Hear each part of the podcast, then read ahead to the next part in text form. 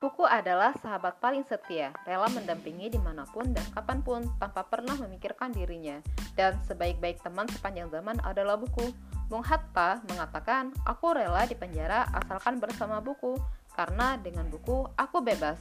Membaca bukan hanya sekedar menambah wawasan maupun pengetahuan. Menurut berbagai penelitian menunjukkan jika membaca bisa melatih fungsi otak, menjernihkan pikiran, serta memperkuat memori.